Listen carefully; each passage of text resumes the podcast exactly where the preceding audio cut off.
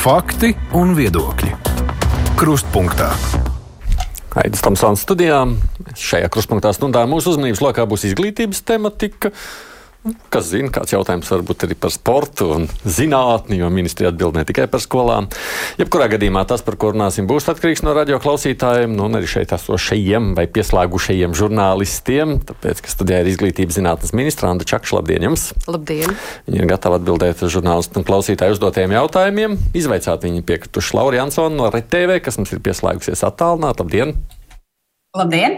No nu, Delfi žurnālu satura redaktora Dita Vinovska ir šeit studijā. Labdien! Labdien. Klausītāji jautājums aicināt sūtīt mums ir rakstiskā formā. Tad, nu, ja jūs izmantojat telefonu, tad ērtāk to darīt caur WhatsApp. Mūsu numurs 2566 0440. Nu, un datorā varat nosūtīt arī ziņu raidījumam ar Latvijas radio viens mājaslapu. Nu, koalīcija esat vienojusies par kompromisa modeli, ja tā to var vispār nosaukt. Tad, kā ieviest jauno finansēšanas modeli skolās, nu, tā maksimāli īsi un vienkārši izstāstot, nu, tad, kas tad varētu notikt tālāk. Tātad tas, par, par ko mums jāvienojas kopumā, ir par pārmaiņu virzīšanu izglītības likumā. Jo uh, izglītības likumā tad noteiktu deleģējumu valdībai, uh, noteikt uh, kritērijus, Eh, kas ir nu, priekšnosacījums kvalitātei, uh, lai tos varētu, nu, balstoties uz to, pašvaldības var veidot savu skolu ekosistēmas. Mhm. Un uh, otrs, uh, tad, kad pašvaldībā ir izveidota šī skolu ekosistēma, viņi var brīvprātīgi pievienoties jaunajam modelis skolā finansēšanas modelim. Un tas e, jautājums, par ko mēs kā, nu, diskutējam. Tātad pirmajā gadā tas ir absolūti brīvprātīgi, un tas pirmais gads es runāju no šī gada 1. septembra. Mums šobrīd ir ļoti skaidri piecas pašvaldības, kas savu skolu ekosistēmu ir sakārtojušas. Tad ir pašvaldības, kas ir jau augstā gatavības uh, pakāpē, un uh, jautājums, vai kuras no viņām gribētu pievienoties, un tad ir pašvaldības, kuras nav izdarījušas teiksim, eh, savu skolu ekosistēmu sakārtošanas darbu un redz to kā iespējamu pēc gada vai pēc diviem. Un tad jautājums, vai mēs paliekam pie tā, ka tas ir tādos nu, trijos ātrumos, ja var teikt, tad, tad eh, vai tie, kas ir augstas gatavības pakāpē, nāk uzreiz šogad, vai viņi pievienojas pēc gada vai pēc diviem.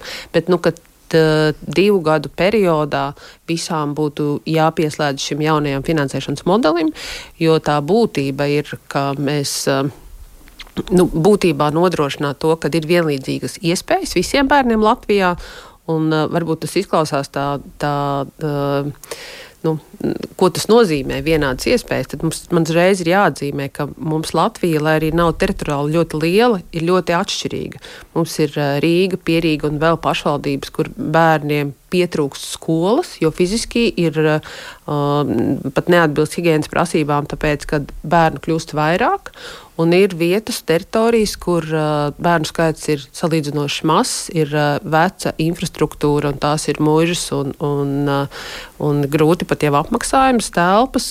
Ir jādomā, kā šo resursu, kas mums ir, efektīvi izmantot. Un tur ir nepietiekams skolotāju skaits un skolotājiem ir mazāks atalgojums, jo nauda šobrīd seko skolēnam pašvaldībā. Tātad teritorijās, kur ir maz iedzīvotāju, maz eh, arī attiecīgi bērnu, finansējums iet līdz mazāks. Un vietas, kur ir vairāk iedzīvotāju un pieaugušu bērnu skaits, protams, ka šī nauda ir vairāk. Tādēļ, lai izlīdzinātu gan šo skolotāju situāciju, gan bērniem varētu nodrošināt kvalitatīvu izglītību atbilstoši, mums šis, šis programmas finansējums vai tāda samaksa par programmu. Nu, tās ir tās, tās galvenais, uz ko mēs mhm. šobrīd virzamies. Bet mērķis, protams, ir nodrošināt, lai mēs iedod bērniem labāko izglītību šobrīd iespējamo, nevis būtu šīs atšķirības tieši dēļ šīs finansējuma, attiecīgi skolotāju piesaistes, un, kā mums rāda pētījumi, no vieta no vietas var atšķirties pat par gadu mācību zināšanu. Nu, par tām izglītību tūlītoši kolēģi arī turpinās, bet tā, tad tikai tajā vienošanās projektā, ja tajā nu, domstarpību likvidēšanā pašā koalīcijā, tad jautājums ir tikai par termiņiem. Nē, tas nav tikai par termiņiem. Mēs runājam arī tātad pēc likuma. Protams, kad ir jāizstrādā ministra kabineta noteikumi, un tur ir stāsts par optimālās klases lielumu. Tātad mēs runājam, kādas tad ir prasības dažādas iedzīvotāju daudzumu ziņā teritorijās. Arī par kritērijiem. Arī par kritērijiem, jā. Tātad, mm -hmm cik liela tad būtu šī pieejamības skola, vai cik bērniem būtu jābūt klasē, ja mēs runājam par, par pieejamības vidējās izglītības posmu. Un tas ir tas jautājums, par ko mēs šobrīd tad, nu, līdz galam gribam dis kad, diskutēt. Kad jūs būsiet gatavi izdiskutēt un vienoties, kā jums šķiet? Tas šobrīd notiek, un mums pirmdien jau ir nu, tas pēdējais sadarbības sanāksme, kur mums ir jānonāk līdz šim tad vai mēs ar to varam iet vai nē? Tā kā tuvākajo dienu laikā. Okay. Jā, es gribēju pavaicāt tieši par tiem kritērijiem. Tiek skatīts tikai šis kaut kāds kvantitīvais kritērijs, bērnu skaits, vai tomēr arī kaut kāda skolu rādītāja. Jo var jau gadīties, ka skola, teiksim, maza lauka skola, tur bērnu skaits var būt nu, četri bērni pietrūks līdz tam kritērijam, bet nu, rezultāti ir absolūti brīnišķīgi, jo tāda iespēja var būt tad eh, vai, vai kaut kāda kvalitātes kritērija var tikt ņemt vērā, un mhm. varbūt arī skolas, kas ir uz robežas, bet varbūt bērniem tur, teiksim, atzīmes ar eksāmenu rezultātiem ļoti atšķirās. Ikdienā labas atzīmes, un, un, un eksāmenos ir sliktāki rezultāti. Mm -hmm. Man liekas, uzreiz skaidri jāiezīmē, ka uh, atšķirās nu, divi tie pārvaldības līmeņi. Viens ir valsts, uh, kur mēs dodam šo naudas dotāciju skolotāju atalgojumam, un otrs ir pašvaldība, kas ir skolu dibinātājs un veido skolu un uh, nosaka, cik daudz tur būs klases un uh, viss, kas saistīts arī skolas infrastruktūru un pieejamību. Un uzreiz man jāsaka, ka tad, kad mēs runājam par kritērijiem, pirmais kritērijs patiesībā ir pieejamība, jo tas ir arī definēts, protams, pašvaldības eh, pienākumos, bet arī mēs savā modelī zīmējot, pirmais eh, kritērijs ir pieejamība. Un tur ir divi šie kritēriji. Viens ir attiecībā uz mazākajiem bērniem, kur laiks, kas ir pavadīts ceļā līdz skolai, nedrīkst pārsniegt 40 minūtes, jo arī šobrīd mēs redzam, ka ir eh, nu, vietas, kur diemžēl bērni diezgan ilgi tiek vizināti autobusos, un tas, man liekas, arī nav pieņemami. Un otrs ir attiecībā uz vidējo izglītības posmu, kur attālums starp skolām nedrīkst būt lielāks par 50 km. Tātad tad nu, vidēji mēs pieņemam, ka no dzīves vietas līdz skolai tas nepārsniegtu 25 km. Tad šis pirmais kritērijs ir pieejamība. Otrais, ja mēs runājam uh, tiešām par šo optimālo bērnu skaitu, uh, mēs nerunājam tikai par klasi, mēs runājam par klašu grupu. Tātad vidējais izglītības posms no 10, 12, klases 7, 9 un tā uz leju pa trīs uh, klasēm. Un, uh, lai nebūtu tā, ka viena bērna izmaiņas maina kaut ko skolai. Un, uh, un īpaši runājot, uh, šobrīd arī tā diskusija ir tieši par vidējās izglītības posmu, jo, ja mēs skatāmies uz to, tad vidējā izglītībā mums ir padziļinātie priekšmeti, un eh, padziļinātiem priekšmetiem, ja eh, mēs pieņemam, kad ir nu, ar šobrīd iespējamo fleksibilitāti 18 bērni klasē sadalās piemēram četros padziļinātajos priekšmetos, tas jau rēķinat ir 4-5 bērni, kas mācās vienu konkrēto priekšmetu. Ja šis bērnu skaits iet vēl mazāks, tad mums ir jāapzinās, ka mēs par nodokļu maksātāju naudu šobrīd nodrošinam teiksim, diviem bērniem konkrētu mācību priekšmetu, un jautājums, vai mēs arī tam varam dabūt pretī uh, pedagogu. Tā ir tā viena lieta, ap ko ir šī diskusija. Jūs uzdotais jautājums par šiem eksāmeniem eksāmeniem. Mums ir eh, ļoti svarīgi saprast, ka ir vietas, kur ir eh, nu, piemēram trīs vidusskolas ar, ar attālumu 12 līdz 15 km. Un, ja viena no šīm skolām eh, iet kopā ar citu, tad viss šīs skolas kļūst spēcīgākas, izmanto resursu, tātad skolotājus arī telpiski uh, var savienoties, jo viens jau no kritērijiem ir arī laba infrastruktūra. Mēs runājam teiksim, par ķīmijas, fizikas kabinetiem, visu ar to saistītais. Ja paliek visas trīs skolas, jāsaprot, ka tas resurs tiek sadalīts uz visām trim skolām, un pašvaldība tad pats skatās, kā viņa spēj to nodrošināt. Jo šis vienlīdzīgais princips, nu, tad skolotājiem ir jāsaņem nevis zemākā alga, bet uh, atbilstoši tam, kā ir noteikts. Un jā, jādod arī bērnam iespēja izvēlēties gan valodu, gan interešu izglītību, gan arī mācību priekšmetus, kurus viņš grib mācīties padziļināti. Un pašvaldībai ir iespēja nu, skatīties, nu, piemēram, ja tās ir trīs skolas, es šobrīd kā piemēru vienkārši minu, kura no šīm skolām var kļūt par bāzes skolu, kur jau ir labākais akadēmiskais personāls, teiksim, tā, kur ir labākie rezultāti. Jo tur vienmēr uz šīs bāzes ir vieglāk veidot tādu uh, nākotnes labu skolu. Jāsaprot, ka šie ir priekšnosacījumi, lai tālāk mēs padziļinātu strādāt tieši uz kvalitāti. Uh, nevis kaut ko aizslēgt. Jo bieži vien mēs tiešām runājam par, tikai par slēgšanu, bet te ir stāsts par to, kā izveidot jaunu, labu skolu. Mums būs vietas, kur skolas ir jābūvē klāt, un būs vietas, kur jāsaprot, kā saliekot vairākas skolas kopā, izveidot vienu spēcīgu skolu, kur bērniem būs iespēja kļūt tālāk par inženieriem, ārstiem un mm, profesijām, ko viņi gribēs. Nevis tikai kas būs tur bijis pieejams. Mhm. Laura. Jā, bet cik nozīmīgs kritērijs varbūt tieši tādos lauku reģionos ir tā vietējās kopienas vēlme saglabāt to savu skolu un vecāku cīņa par šo savu bērnu skolu? Jo, piemēram, Vidzemes reģionā konkrēti Cēs novadā ir tāds piemērs Rāmuļu skola, kur vecāki aktīvi cīnās par savu skolu, veido piketus, vāc pārakstus kopējiem iesniegumam, arī Talsu novadā notiek šādas cīņas. Jā, šī vecāku vēlme saglabāt to savu skolu, cik tas ir nozīmīgs kritērijs? Eh, es domāju, ka pašvaldības noteikti uzklausa savus vietējās, eh, vietējos cilvēkus, un eh, es domāju, ka pašvaldību lēmumos jau arī atspoguļojas nu, tas, cik daudz ir komunikācija un skaidrojums arī par to, kas notiek skolu ekosistēmā. Bet jūsu minētais piemērs ir, ja mēs skatāmies uz skolām bērniem ar speciālām vajadzībām, vai kur ir iekļaujošie bērni vairāk. Nu, apvienoti, teiksim tā. Jo ir bijušas skolas, kur, ir, eh, kur varbūt eh, nav tik daudz bijis atbalsta personāla un ir izveidojušās šobrīd jau, nu, varētu teikt, dabiski skolas, kuras vairāk ir iekļāvušas šos bērnus. Tad eh, mēs atbalstam to, ka šādas skolas ir. Īpaši, ja tur ir noformējies jau šis atbalsta personāls. Jūsu otrs minētais piemērs vairāk ir tāda nu, es teiktu, man teki kapuletī stāsts, kur tāds, uh, mēs tur neiesim, jo neiesim, bet ja mēs domātu par to, kas, eh, kas bērnam būs svarīgi, ko viņš varēs pēc tam mācīties, tad mēs redzam, ka vecāki jau ļoti bieži ir nobalsojuši ar to, ka bērns mācās kaut kur citur. Un, eh, un ja jūs pajautātu tiem, kas protestē, vai viņu paša bērni tur mācās, tad bieži vien iznāk, ka nē. Un tad ir vēl viena lieta. Um, mēs skatāmies uh, rezultātus iekšēji, teiksim, cik pēc vidējās izglītības posma dodas uz augstskolu mācīties, kas ir vidējās izglītības mērķis, uh, sagatavot augstskolai un tālāk tātad kvalificētam darbam vai zinātnei, tad nu, jūsu arī minētās skolas tikai 50% no šiem bērniem tālāk aiziet uz augstskolu, un tad vēl cik no viņiem startē budžeta vietās. Un šie ir dati, kurus es aicinu arī pašvaldības pašiem pavērtēt. Ir skolas, kur mēs labi redzam, kur mm, ir ļoti ir, ir pienācīgs, pieklājīgs bērnu skaits līdz 9. klasei, un tad pēc 9. klases ļoti strauji samazinās bērnu skaits.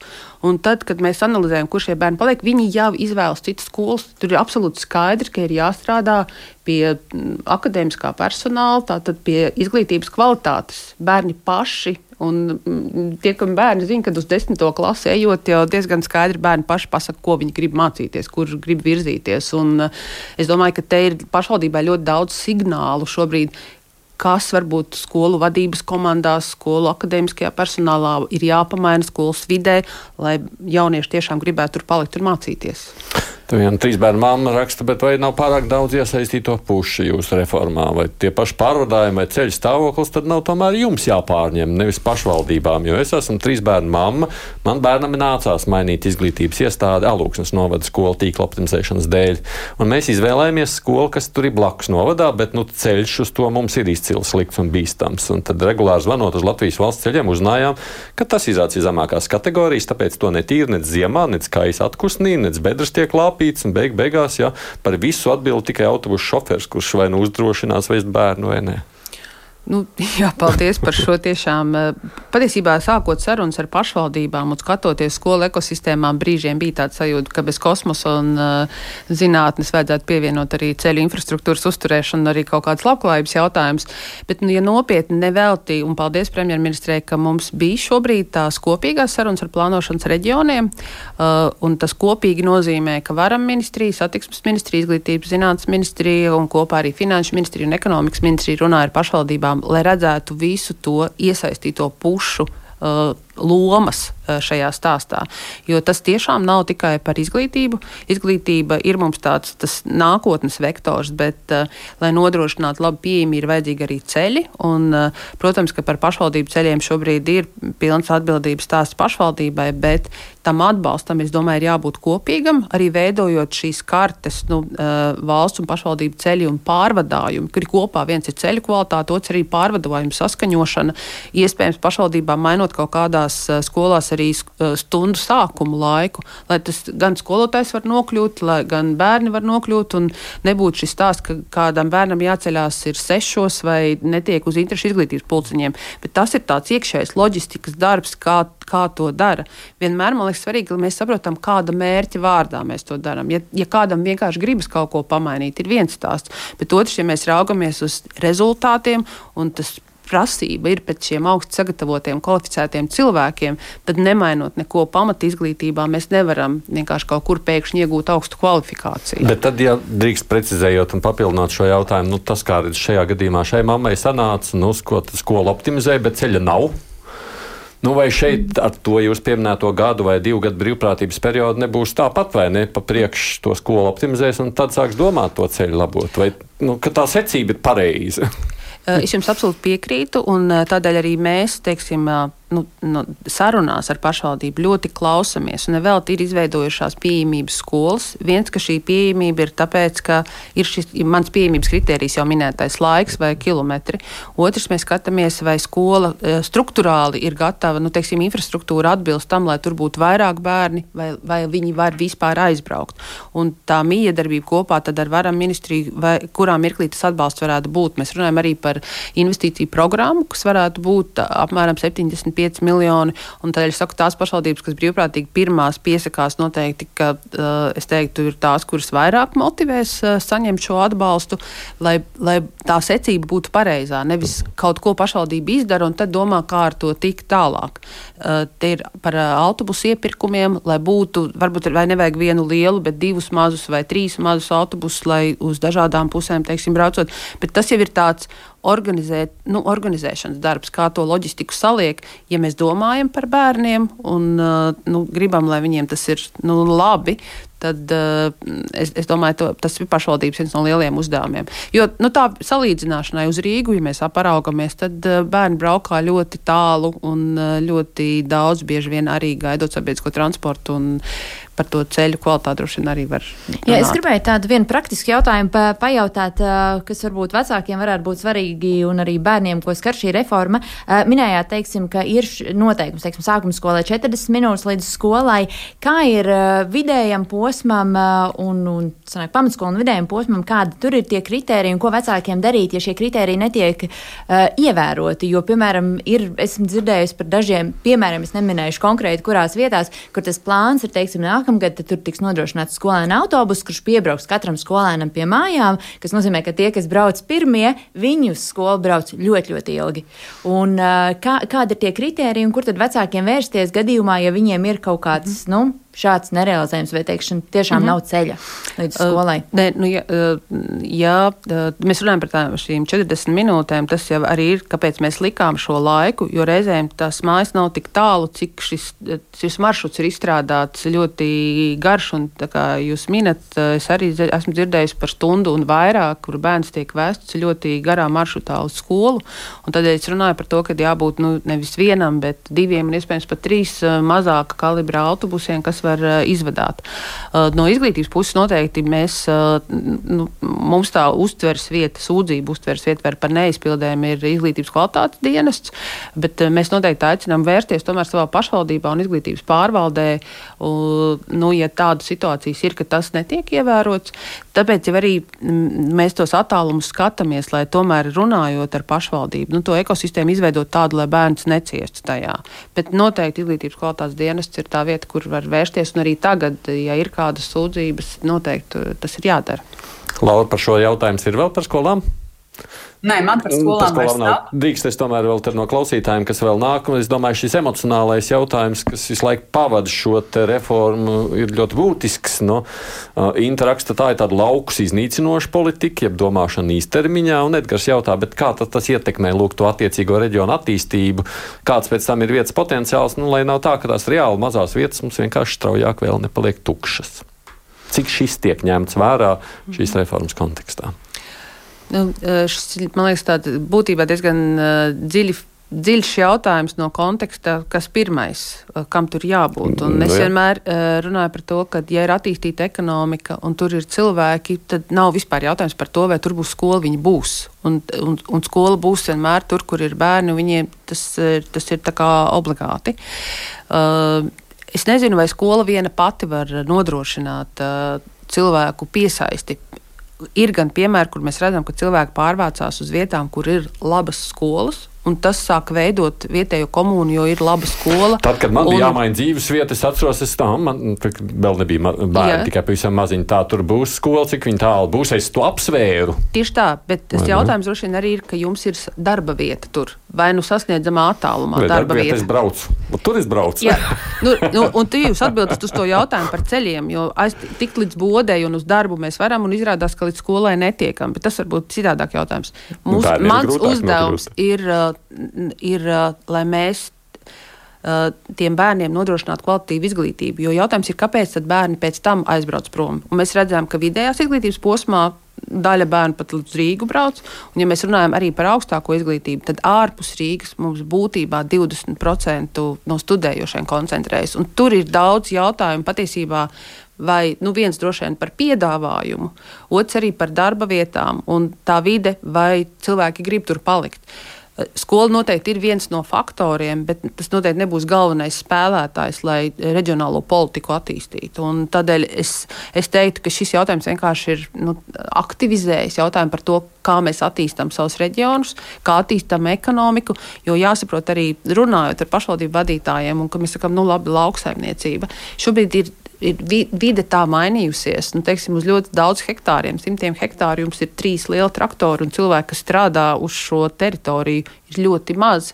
Nu, mēs runājam par efektīvāku darba spēku, mēs runājam par daudz citām lietām, un vienlaikus mēģinām nu, palikt tajā pašā senajā sentimentā. Tas vairs neiet kopā. Nu, mēs dzīvojam tādā laikā, kur ir jāsaprot, kā mēs varam gudrāk savu resursu pārvaldīt. Tā, šī tēma tika pagaidām pabeigta. Jā, es tikai atgādinu, studijā šeit mums ir izglītības zinātnes ministra Anta Čakša, no RTV Laura Jansona pieslēgusies un Delfi žurnāliste Dita Vinovska. Raidījums Krustpunktā. Jā, Laura. Jā, es gribu pajautāt, proti, ģeopolitiskā situācija mums krasi ir mainījusies, bet uh, Latvijas skolās daudz vietā vēl tiek mācīta krievu valoda, un izrādās notiek arī krievu valodas olimpiādes. Daudzus vecākus tas satrauc. Bieži vien tas arguments ir, ka mums trūkst šo Eiropas valodas skolotāju, pedagogu, bet uh, vai tiešām nav kaut kādas iespējas kaut vai šo krievu valodu, tur, kur vecāki nevēlas saistāt ar kādu citu mācību priekšmetu, kaut vai pielikt šo papildus sporta stundu vai latviešu valodu? Vai nav kādu risinājumu, kā šo krievu valodu atņemt no mācību programmas? Nu, šobrīd ir risinājums. Mēs ejam ar vairākiem grozījumiem vienlaikus. Viens ir tātad tie bērni, kas pabeigts šogad 9. klasi, viņi viņu varēs pabeigt bez krievu valodas un uh, krievu literatūras uh, atzīmes, uh, kas mums tā kā standartā šobrīd ir, ka tai ir jābūt, lai pabeigtu 9. klasi. Tad šobrīd mums tie grozījumi ir gandrīz jau gatavi, lai standartā uh, noņemtu no šo prasību. Uh, Otra sadaļa mēs ejam ar uh, grozījumu likumā, piedāvājumu, ka uh, skolās, kur nav šobrīd pieejami skolotāji, lai pārņemtu šo otro svešvalodas mācīšanu, varētu uh, veidot uh, līguma attiecības ar citu izglītības iestādi un mācīt šo uh, valodu attālināti, saprotot, kā viņi nodrošinās, protams, kvalitāti, bet dodot šo iespēju. Un uh, trešā lieta, protams, ka mēs uh, ejam uz to plānu, ka otrā svešvaloda ir uh, cita Eiropas Savienības valoda, viena no uh, Eiropas Savienības valodām. Un, uh, tas arī iet standarta grozījumos, bet tas ir 26. gads, un tas ir darbs savukārt ar pedagoģu sagatavošanu, kur mums ir vairāki projekti kopā gan ar Vācijas vēstniecību, gan ar Francijas vēstniecību, kā uz to iet. Bet tātad šie pirmie soļi, ka viens var pabeigt 9. klasi bez šīs atzīmes, un otrs, ka varēs slēgt šos līgumus starp divām izglītības iestādēm, lai nodrošinātu attālinātu mācīšanos, kamēr mēs neesam pilnībā pārgājuši uz otru svešvalodu. Mm. Labi. Jā, man uh, bija jautājums par atzīmēm, uh, par jauno vērtēšanas sistēmu. Tā kā bija iepriekš ieviešot kompetenci izglītību, pēc tam nācās tur labot un izrādījās, ka skolotāji nav līdz galam gatavi. Kā jums šķiet, vai skolotāji ir gatavi jaunajai vērtēšanas sistēmai? Jo cik, es, cik kolēģi ir rakstījuši un apspriedušies arī ar vecākiem un bērniem, tur bērni ir uh, pat parakstus laikam sākuši vākt, lai, lai atceltu šo sistēmu. Uh, kā ir vai skolotāji ir gatavi jūsu skatījumā? Nu, jaunā vērtēšanas sistēma ir, mēs jau tātad pagājušā gadā atlikām ieviešanu, obligātumu ieviešanu par vienu gadu. Un, Tad tāds plašāks skaidrojums, man liekas, prasās, jo arī nesen bija Saimnes izglītības un zinātnes komisijā diskusija par šo jauno vērtēšanas sistēmu. Man jāsaka, ka sistēmu izstrādāja eksperti, kas arī ir saistīti ar Latvijas universitāti. Un es saprotu, ka šobrīd arī ekspertu vidū ir parādījusies tāda diskusija, tad, eh, cik eh, labi eh, būtu pāriet teiksim, šobrīd uz šo sistēmu. Un te vien, jūs precīzi sadalījāt, man liekas, ka ir tas jautājums par skolotājiem. Nevelti mēs šobrīd ļoti intensīvi strādājam ar Latvijas universitāti un arī ar pārējām universitātēm uz, pie pedagoģu sagatavošanas. Tieši cik labi mēs sagatavojam pedagogus, lai viņi būtu gatavi darbam skolā un arī strādāt ar to, kas šobrīd ir jaunajā izglītības saturā, metodiku un arī vērtēšanu. Uh, otrs, cik labi tas ir paskaidrots vecākiem, jo tad, ja mēs paliekam tikai pie tā, ka tas ir par atzīmi, tad tas patiesībā nepastāsta neko. Jo tas, ko paredz jaunā vērtēšanas sistēma, ir, ka jūs bērnam iedodat atgriezenisko saiti par to, cik tālu viņš konkrētajā saturā ir apguvis vielu. Nu, tas es jums teiktu, ka šobrīd jūs esat novērtēts ar 44% no 100, jo jūs esat apguvusi to un to, bet vēl jāmācās tas un tas. Un tad nākamajā etapā jūs mācāties klāt visu pārējo, un tā gala atzīme ir tas, kas novērtē pilnīgi visu, kas bijis nu, sasniedzamais rezultāts konkrētajā mācību priekšmetā, un tas vairs nav kaut kāds vidējais aritmētiskais eh, no nu, citām atzīmēm, bet eh, tiešām novērtējot pret sasniedzamo rezultātu. Un te man liekas, tās tiešām svarīgā lieta ir, ka dot atgriezienisko saiti ir daudz grūtāk un plānveidīgāk jāgatavo tas savs darbs, un tā droši vien ir skolotāja daļa. Uh, otrs noteikti, ka ja mēs pārējām, un es atceros vienkārši šīs pati gāju skolā tajā brīdī, kad pārgāju no piecu baļu vērtēšanas sistēmas uz desmit baļu vērtēšanas sistēmu, kas kļuva daudz niansētāka. Un, ja es pareizi atceros, divi, trīs gadi, nekad nevarēju saprast, ko nozīmē septiņnieks un astoņnieks, un katram skolotājam bija cits svars tam ka, ka te ir tā komunikācija, ka atgriezeniskā saite iedod daudz lielāku izpratni par to, cik tālu tu tajā saturā esi. Un, eh, ja mēs sākam bērniem no mazotnes, un tur tā diskusija starp ekspertiem bija, ka nevajag mazajiem, vajag lielajiem. Es teiktu tieši otrādi. Ja mēs ar to sākam, tad bērnam ir skaidrs, ka viņš saņem atgriezenisko saiti, gala vērtējums ir par visu saturu, un, protams, tajās vecākajās klasēs ir nu, tāds pēkšņi man vairs nevērtē vienkārši ar atzīmi, bet kaut ko citu.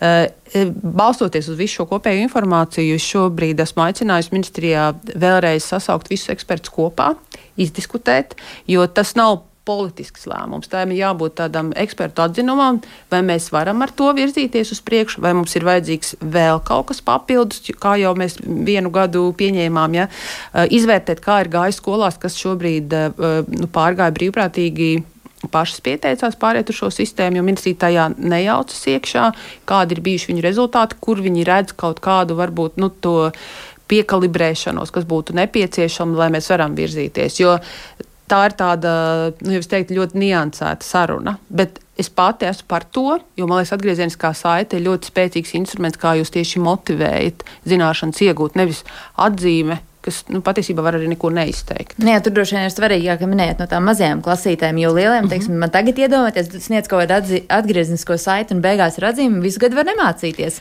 Samācīšos pēdējai ieskaitai. Uh, es gluži tā neteiktu, jo tomēr tur pa posmiem to dara. Man pašai ir bijusi pieredze savā pēdējās mācībās strādāt tieši ar šādu vērtēšanas sistēmu.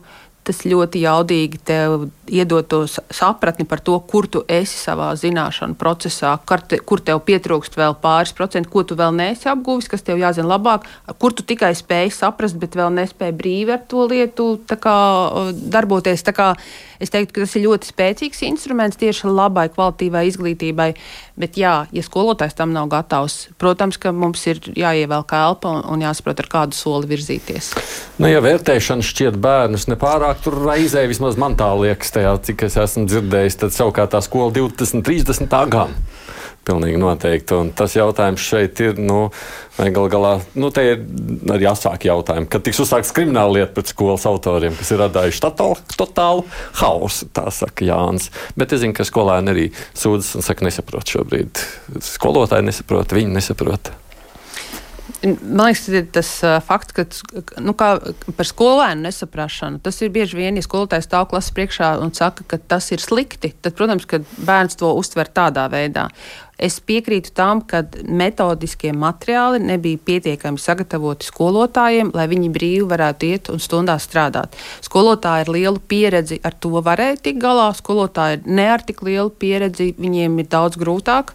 Tie, kas bija iesaistīti projektā, viņiem bija vieglāk atkal, un tie, kam tas bija pilnīgi no jauna, bija grūtāk. Un tāpēc jau šobrīd tas darbs realitātē notiek tiešām pie šo metodisko materiālu izstrādes. Nu, fizika, viens, tagad bioloģija, viens ķīmija, uh, pie latviešu valodas, nu jau vēsture nodalīta no sociālām zinībām, nu jau pie matemātikas tieši šodien, man liekas, ka grupa pirmo reizi nāk kopā un, un sāk izstrādāt arī šo kopējo modeli skolotāji, zinātnieki, metodiķi, lai saliktu šos metodiskos materiālus. Jā, tam vajadzēja būt vienlaikus ar ieviešanu, nevis kā mēs to šobrīd kopjam pēc tam.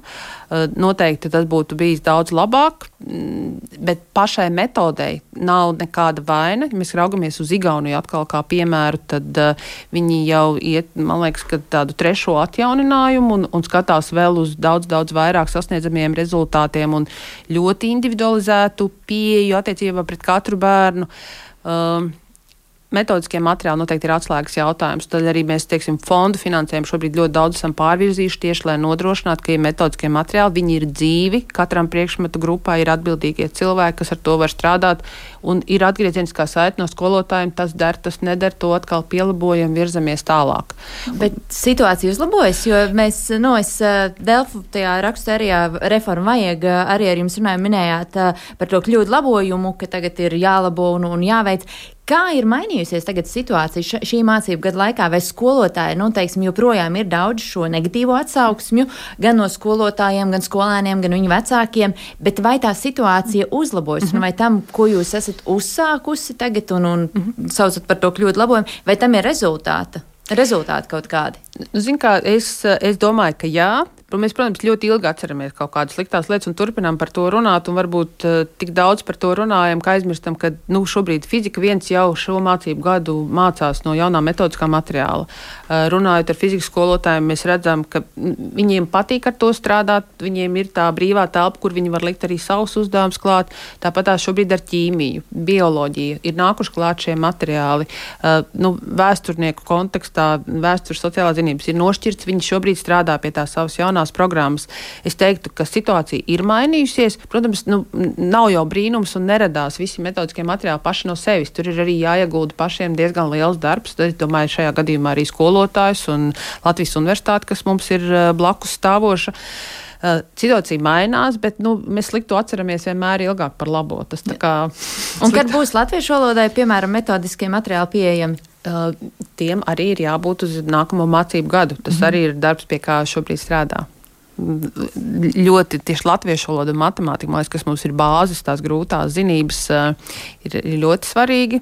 Plus vēl klāt arī, ja mēs runājam par lasīt prasmi, tad uh, metodika, kā ne tikai latviešu skolotājiem, bet principā visu jomu skolotājiem strādāt uz latviešu prasmi. Īpaši, ja mēs runājam par uh, pirmsskolu un sākuma skolu, uh, un tas arī mūsu metodiskā centra viens no galvenajiem uzdevumiem, prioritātēm ir iedot pašiem skolotājiem metodiku, kā strādāt uz lasīt prasmi bērniem. Ja, kā ir izstrādāt šos metodiskos materiālus, vai tur jau notiek tā integrācija starp priekšmetiem, vai tas tomēr ir skolu līmenī?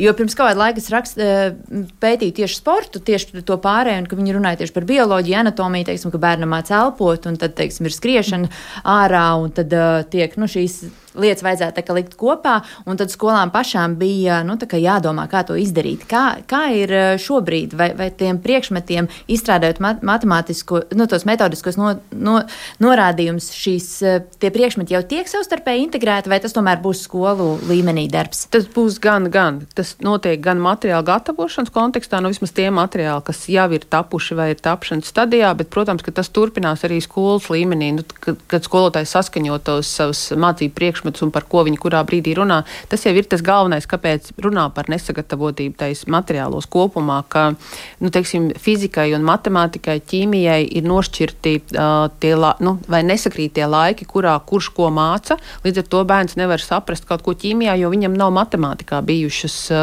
konkrētās lietas jau iemācītas. Tādēļ šobrīd arī nu, no tādas materiāla tapšanas viedokļa ir šī laika līnija, ar ko sākam un kādā lineāri tas iet uz priekšu. Uh, kāpēc arī matemātiķi šobrīd runā par to, ka nu, tā secība, kādā māca, nav, nav korekta. Tur, protams, arī ir vairāki atzari, arī matemātiķi, kuri savstarpēji diskutē. Bet man liekas, ir ļoti svarīgi, ka eksperti un matemātiķi savstarpēji tiek galā. Tad, ko pirmo, ko pēc tam un kādā secībā mācīs. Līdzīgi latviešu valodā par, par gramatiku. Ļoti liels diskusijas, un kāds būs šis gramatikas izklājums un ko, kas ir jādod. Bet eh, šobrīd, teiksim, latviešu valodā mm, es saprotu, tā diskusija ir beigusies un top jau materiāls, un matemātikā mēs tikai esam pie šīs diskusijas. Un tie, kas šobrīd iekrituši tajā mācību procesā, tiem tas trakums, tie sūdzās, ka šobrīd tas pārējais posms ir. Nu, tā ir, tā ir Laura. Jā, es gribētu atgriezties pirmsskolā un uh, pajautāt, kā jūs šobrīd vērtējat situāciju ar pirmsskolas pedagoģu atalgojumu, kas veidojas vairākās uh, pašvaldībās.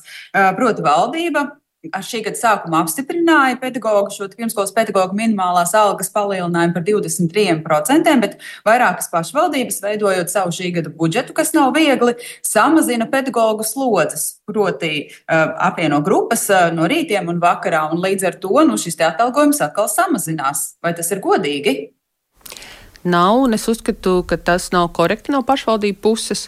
Uh, vispirms, man liekas, ka man ir tiešām ļoti liels prieks, ka pirmskolās ir uh, tik būtisks atalgojuma kāpums. Viens jau, ka tas, protams, bija satversmes tiesas spriedums par uh, par to, ka eh, pirmskolas skolotājiem ir jāsaņem eh, vienāds atalgojums ar, ar eh, pamatskolu, bet mēs tāpat savā grafikā jau bijām ielikuši, varbūt mums tas pārējais posms bija vienu gadu vēlāk, bet es tiešām uzskatu, ka tas ir ļoti svarīgi, jo pirmskola ir tā bāze, kur mēs runājam par lasīt prasmes, rēķināšanu pratības, sākumiem, un te bieži vien varbūt ir tas vai tā ir izglītība, vai tā ir pieskatīšana. Un man liekas, ka šobrīd pasaulē jau nu, visur runā par pirmskolu kā par izglītības iestādi, un eh, tādēļ es aicinātu pašvaldības nedarīt tā. Un te nu gan eh, noteikti, kad ir šis darba devēja, darba ņēmēju attiecību starpnieks, noteikti, kad ir arotbiedrība, kas var palīdzēt uh, uz, uz vietas starp darba devēju un darba ņēmēju šīs attiecības risināt, jo tas nav korekti, ka šis atalgojums nu, tiek samazināts citā veidā, uh, nu, teiksim, mākslīgi mazinot uh, slodzes vai vēl izdarot kādas manipulācijas. Tur kādas kaudības sekot, un tiem pārējiem mazāk, un, un tur ir, protams, palīgi, kuriem uzreiz tur gan izdubultā mazāk, un iepriekš nebija tā šķēra tik liela tāpēc. Jā, arī to es esmu dzirdējusi, ka pašvaldībās ir pašvaldību darbiniekiem ir mazāks atalgojums kā izglītības iestādēs. Eh, es aicinātu nebūt skaldīgiem. Man liekas, ka izglītība ir tā mūsu nākotnes vertikāla, un, un te ļoti svarīgi, ka mm, te ir jāaudzē vienkārši ekonomika, un noteikti tas ir tāds iekšējais darbs, kā mēs visi nonākam līdz eh, labākajiem algām. Te Edgars jautā, kā uzlabot iekļaujošo izglītību īpašajiem bērniem, jo pat lielajās Latvijas pilsētās ir ļoti grūti atrast piemērotu mācību iestādi.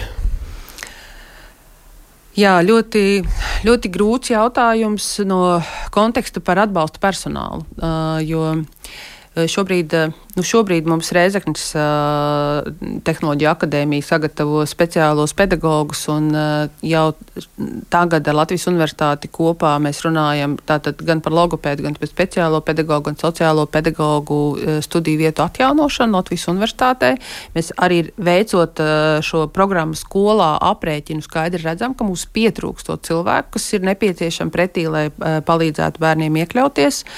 Um, veidojot arī uh, klases atbilstoši, nu, sadalot, lai, lai nebūtu pārāk daudz uh, šo bērnu, kas uh, līdz ar to mums ir nu, jānodrošina vide, kas ir vajadzīgs tam bērnam, nevis pielāgot bērnu videi, tā ir tā sarežģītākā grupa.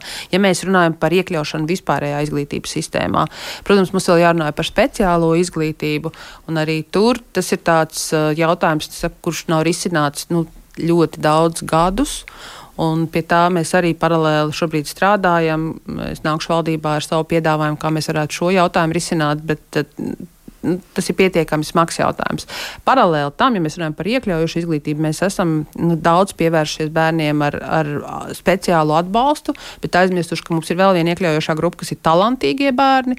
Un bieži vien mēs aizmirstam šai grupai pievērst arī atbilstošu uzmanību, ka arī tur ir vajadzīgs papildus atbalsts. Un, tas kopumā mums liek domāt un iedot tās prasmes skolotājiem citādāks, jau spēt strādāt ar dažādiem bērniem. Tā ir tā viena no liekas, šodienas skolotāju grūtībām, ka viņam ir jāspēj strādāt jau ar ļoti, ļoti dažādiem bērniem. Mēs redzam, ka nu, līdz 20% bērnu jau ir dažādas specifiskas vajadzības, tad skolotājs nevar vairs tikai koncentrēties uz kaut kādu vidējo. Viņam ir jābūt arī viņa nu, tā, tā, apgūtām prasmēm, kā strādāt ar, ar dažādiem bērniem klasē un tiešām spēt ar šo klasvadību tikt galā.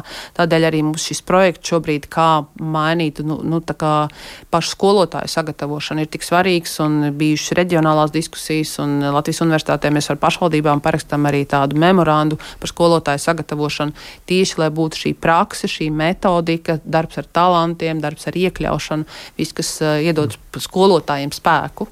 Laulē papildus saprot jautājumus. Jā, Jūs runājat par iekļaušu, iekļaujošo izglītību un logopēdiem un sociālajiem pedagogiem, bet kā ar tādiem speciālistiem, īpašiem bērniem ar kustību traucējumiem, kā ergoterapeitiem, kas arī nereti ir vajadzīgi, lai bēr, šim bērnam palīdzētu justies labi skolā, kā ar šādu speciālistu pieejamību? Nu, droši vien, ka par ergoterapeitiem viss, kas saistīts ar tādu jau veselības un labklājības jomu, mēs varam runāt tiešām speciālajās skolās. Noteikti mums arī par tiem jārunā un to sagatavot nu, veselības mācību iestādes, ja tā var teikt. Uh, vispārējās skolās mēs šobrīd nerunājam par ergoterapeitiem, mēs vairāk tikai par uh, iekļaušanu, kas saistīts ar, ar, uh, ar nu, logopēdiju un sociālo un speciālo izglītību, bet ne par ergoterapeitiem. Bet speciālās izglītības iestādēs noteikti mēs par to runāsim. Tas šobrīd vienkārši vēl ir sagatavošanā. Mm. Jā, Jā, es par skolotājiem gribēju pavaicāt, minējot to skolotāju izglītošanu šajā jautājumā, bet jau šobrīd ir tā, ka skolotāju kvalifikācija, entuziasms, vēlme mācīties jaunas lietas ir ļoti dažāda. Un kas tiek darīts, lai, un, un vai kādi ir kaut kādi nākotnes sapņi, vīzijas par to, kā varbūt šo Uh, dažādību mazināt. Jo nu, ļoti bieži pēdējā laikā runājot par izglītību, nonākam pie secinājuma gan pirmsskolā, gan, gan vispārējās izglītības līmenī, ka tā ir tāda laimes spēle, kā bērniem paveiksies, kāds cik labs skolotājs, cik labs direktors. Kā, kā to plānots risināt valstiskā līmenī, lai šie skolotāji mācītos un lai viņi tiešām spētu strādāt ar dažādiem bērniem un vispār arī apgūt jaunas lietas un, un mācīt kaut vai pēc mm -hmm. jaunās pieejas? Nu, es, uh, godīgi es uh, ļoti iespaidojos Igaunijā, uh, skatoties, kā viņi strādā pie savas pedagoģu izglītības. Un, viens, ka šī nu, mūža izglītība vai pēc izglītības skolotājiem nav obligāta, nav tāds noteikts stundu skaits, cik viņiem būtu jāmācās, bet uz vietas skolā skola un pašvaldība skatās, kas ir tās prasmes, ko viņi redz kā tādas būtiskas, kas ir nepieciešams atbalstīt skolotājiem. Un tad mums metodiskais centrs, kas ir paredzēts kā atbalsts savukārt pašvaldībām, lai nodrošinātu nu, tādu kvalitatīvu pēcizglītību skolotājiem. Un mēs šobrīd esam identificējuši vairākas lietas. Viens, ko es jau minēju, lasīt prasmes stāsts, kur ļoti pietrūkst metodikas skolotājiem un ir nepieciešama apmācība tieši par lasīt prasmi. Otra lieta ir saistīta ar iekļaušanu vai tādu vides veidošanu, spēju tikt galā ar savām emocijām, ar klasvadību, kā tāda viena būtiska lieta. Un trešā, par ko mēs varbūt šodien mazāk esam runājuši, ir vienotā skolas kontekstā darbs daudzveidīgā lingvistiskā vidē. Jo, um, Mēs redzam, ka bijušajās latviešu skolās teiksim, parādās bērni no mazākuma tautībām, un tur ir daudz, pat es teiktu, izaicinošāk šobrīd skolotājiem, kā uh, novadīt stundas tiešām latviešu valodā, uh, kā mācīt ar to strādāt, un tas ir viens ļoti nopietns atbalsts, kas nepieciešams. Tā, uh, tā, tā bāzē, tātad pirmais ir strādājot ar jaunajiem skolotājiem. Nu, viss, kas ir saistīts ar atalgojumu pieaugumu, lai vispār jaunos cilvēkus ievilktu izglītībā, tad atlase, vienota programma. Tas, ko es redzu šobrīd, mēs ejam uz tādu, ka tā, tā nav četras dažādas uh, universitāšu programmas, bet ir vienoti principi. Tātad atlase, kad ir vispirms bakalaurs konkrētajā zinātnēs, un tad pedagoģijas sagatavošana divi gadi, kur ir uh, prakses skolas, kur ir. Uh, Viss šīs speciālās uh, tēmu lokus, klasvadība, uh, spēja tikt ar uh, pieaugušajiem galā. Un, um, Tad vēl viena tāda liela programma, pie kuras mēs šobrīd uh, sākam strādāt, ir uh, direktora programma. Jo tas skolas vidas veidošana nodrošina laba skolas pārvaldība vai skola kā mācīšanās institūcija vai, vai kā nu tur kurš to sauc. Bet būtībā mēs redzam, ka skolas direktors ir atslēga, lai veidotu to kolektīvu un viņam dodot atkal autonomiju, jau kas mums ir paredzēts šajā uh, finansēšanas modelī, ka viņš vērtē, cik kurš skolotājs man strādā. Klases stundās, cik kurš kļūst par mentoru vēl citiem skolotājiem, jo tas atbalsts uz vietas skolā ļoti svarīgs ir, ka jaunie skolotāji, mēs, un tā ir visa Eiropas patiesībā tendence, un, un pat plašāk, eh, mēs zaudējam pie 75% pirmo piecu gadu laikā. Un tas nozīmē, ka tikai mainot to vidi un attieksmi jau starp skolotājiem un skolu direktoru, mēs varam to pirmo uh, rezultātu dabūt kamēr mēs dabūjam tos jaunos skolotājus, kas būs izmācījušies, bet lai mēs tos jaunos, kas jau ir skolā, nepazaudētu, tāpēc, ka tur iespējams ir arī mobbings, bosings un vēl kaut kāda hierarhija tāda greizi aizgājusi un nav pietiekami liels atbalsts. Tā kā tur ir, da, es to redzu tādās kārtās, kā mēs šobrīd mēģinam visu nu, kopt arī studiju programmu kontekstā mm, stipendijas. Uh, papildus atbalstā STEM skolotājiem, valodas skolotājiem, neklātienes studentu budžeta vietas. Nu, man liekas, ka ir no, nolikts visapkārt uh, daudz dažādi tādi spilventiņi, lai tas skolotājs sajustos, ka viņš mums ir vajadzīgs un ka mēs šobrīd tiešām visu darām, lai, lai skolotāji justos labi un, un gribētu ienākt sistēmā. Pieminējāt mazliet augstāku izglītību vispār kopumā. Nu, mēs redzam, ka šobrīd universitātes apvieno fakultātes un tad veids kaut kādas iekšējās reorganizācijas reformas. Vai jūs prāt, tas ir pietiekami, nu, ņemot vērā Latvijas vajadzības, domājot par kvalitatīvu augstāko izglītību Latvijā nākotnē? Es domāju, ka mēs esam veikuši ļoti labus priekšdarbus, teiksim, finansējums balstoties uz sasniegto, nevis, nevis teiksim, pēc studējošo skaita, bet jau pēc sasniedzamajiem rezultātiem.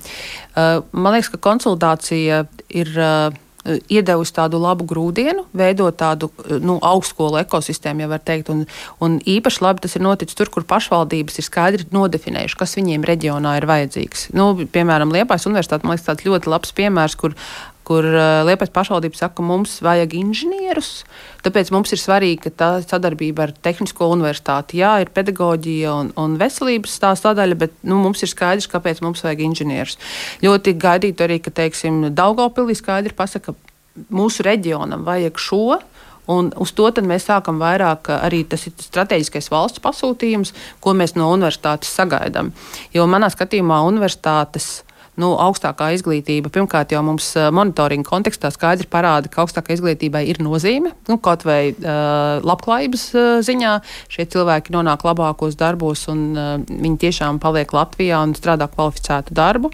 Otrs, ka tad nāk šī pievienotā vērtība, inovācijas un arī tie risinājumi, kā mēs arī valsts pārvaldē varam efektīvāk strādāt. Un es no universitātēm gaidu tādu iniciatīvu vairāk arī nu, nākot par to, kā tad mums nākamos soļus spērt, kas man liekas ir eh, tas Igaunijas piemērs, kur universitāte ir tādā ļoti novērtētā lomā. Uz mani jautājumu, kā jūs zinat, ka tas piedāvājums universitātes ir labs, viņi vispār nu, nesaprot, par ko ir jautājums, jo tur ir mūsu gudrākie cilvēki. Viņi mums atnes iespējami labāko risinājumu. Tā kā es teiktu, ka mums ir šobrīd arī institucionālā finansējuma kon kontekstā tāds ļoti labs ceļš uzsākts augstākajā izglītībā, kas vienkārši ir jāturpina. Un vēl man liekas, ka ir svarīgi, ka uh, universitātes savstarpēji vairāk strādā kopā. Arī programmu izstrādāt, kā jau teicu, par pedagogiem. Tas ir mūsu tāds viens uh, projekts, un tālāk arī direktoru programmas izstrādē, ka veidojas tāda mūsu augstākās izglītības ekosistēma. Nevis katrs pie sevis, bet gan teiksim, īpaši augsto tehnoloģiju ziņā tā infrastruktūras kopīga lietošana. Jo nu, savādāk, ja zinat, ja divos kvadrātkilometros mums eh, veidojas divas bruņošanās vietas, tas man liekas nav īpaši efektīvi. Jā, bet tur ir. Mm -hmm. Es nezinu, Jā, vai par šo pašu? Jā, par šo pašu par augstāko izglītību. Nu, jā, okay, jā. Es, es vienkārši gribēju, eh, gribēju pavaicāt, tieši vai šajā te, teiksim, minējāt to, jā, universitātēs ir labākie prāti un, un tā, un eh, vai ir plānots kaut ko darīt, lai Latvijā arī tā būtu, teiksim, tieši atalgojuma ziņā pasniedzējiem, cilvēkiem, kas strādā universitātēs, jo, teiksim, cik man paziņo lokā cilvēki strādā universitātēs, vai, vai, teiksim, arī man bijušie kursbiedri, kas ir eh, palikuši, nu, nav tā, ka viņi strādātu labi atalgot darbu, vai ka tie cilvēki, kas ir speciālisti savā jomā rautos uz tām augstām augstskolām strādāt un izglītot citus, jo privātajā sektorā var nopelnīt labāk. Uh. Tā, tā jums taisnība. Un, uh, īpaši nu, nesaukšu tādu augstskolas vārdus, bet ir, ir dzirdētie stāsti, kur uh, šobrīd pasniedzējs. Uh, Nu, ja viņam nav daudz cita veida projektu, diemžēl nenopelnā atbilstoši algu, un, un viņš strādā uz kaut kādām nulles komats uh, slodzēm, uh, kas man liekas arī diezgan jocīgi viss kopā izklausās. Uh, bet, nu, skatoties uz augstskolām, kur ir mainījušies rektori un tā struktūra mainas, uh, mēs tāpēc arī šobrīd sniedzam šo finansējumu, sniegumā balstīts.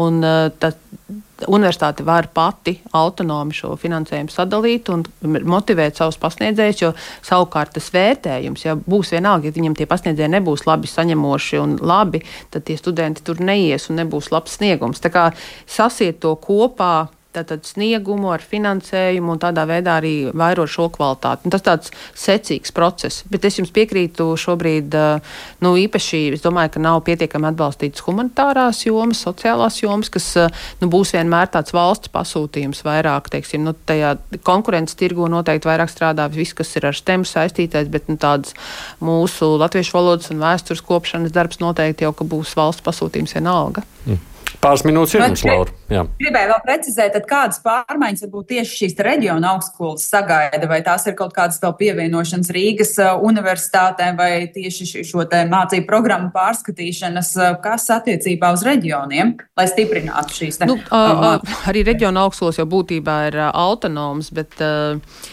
Es teiktu, ka šobrīd nu, tas lielais darbs ir izdarīts. Iespējams, ka augstskolas pašas kaut kur vēl redzēs, kur viņas gribētu pieslēgties klāt nu, tādā ekosistēmā strādāt kopā. Man liekas, ka mums vienkārši jāizmanto reģionālās augstskolas ļoti mērķiecīgi reģionu attīstībai un iespējams to programmu realizācijai, kas ļoti šobrīd ir vajadzīgs. Nu, viena no lietām, ko es varu nosaukt, ir kaut kāda kiberdrošība vai viss, kas saistīts ar dažādu iekšlietu un IKT tādām specifiskajām lietām, kur mēs nu, daudz piedzīvojam krāpšanas gadījumus dažādus.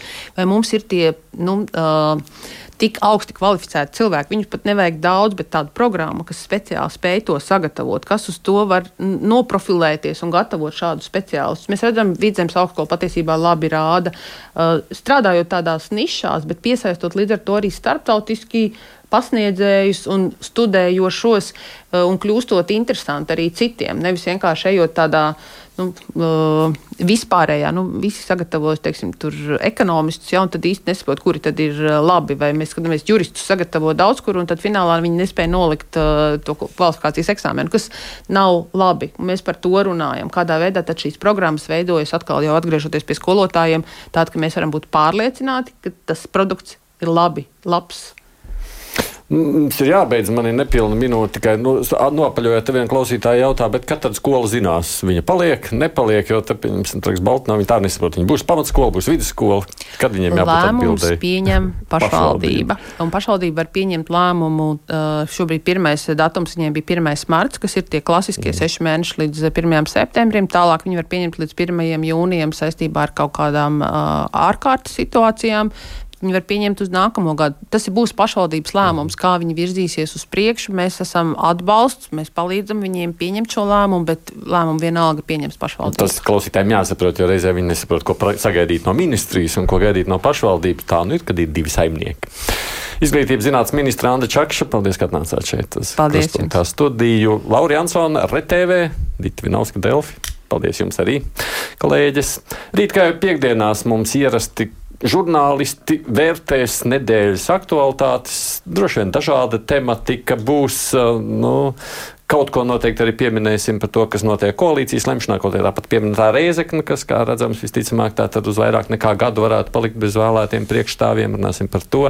Aizdomas par kukuļu piedāvāšanu, kur tur varētu būt inicējusi viena Rīgas amatpersona, pareizāk sakot, Jānis Vaivots, un arī vien citi temati, arī kaut kas no kara tematikas, preču ņemšanās, gan ieviešana no Krievijas un Ukrainas tam līdzīgi. Arī mūsu pašu mediji, kas ir nonākuši uzmanības lokā sabiedriskā mediju portāls šajās dienās. Bet kruspunktā gan šodien līdz ar to izskan producents ir Ievzējs, un studijā bija arī Esaidis Tomsons.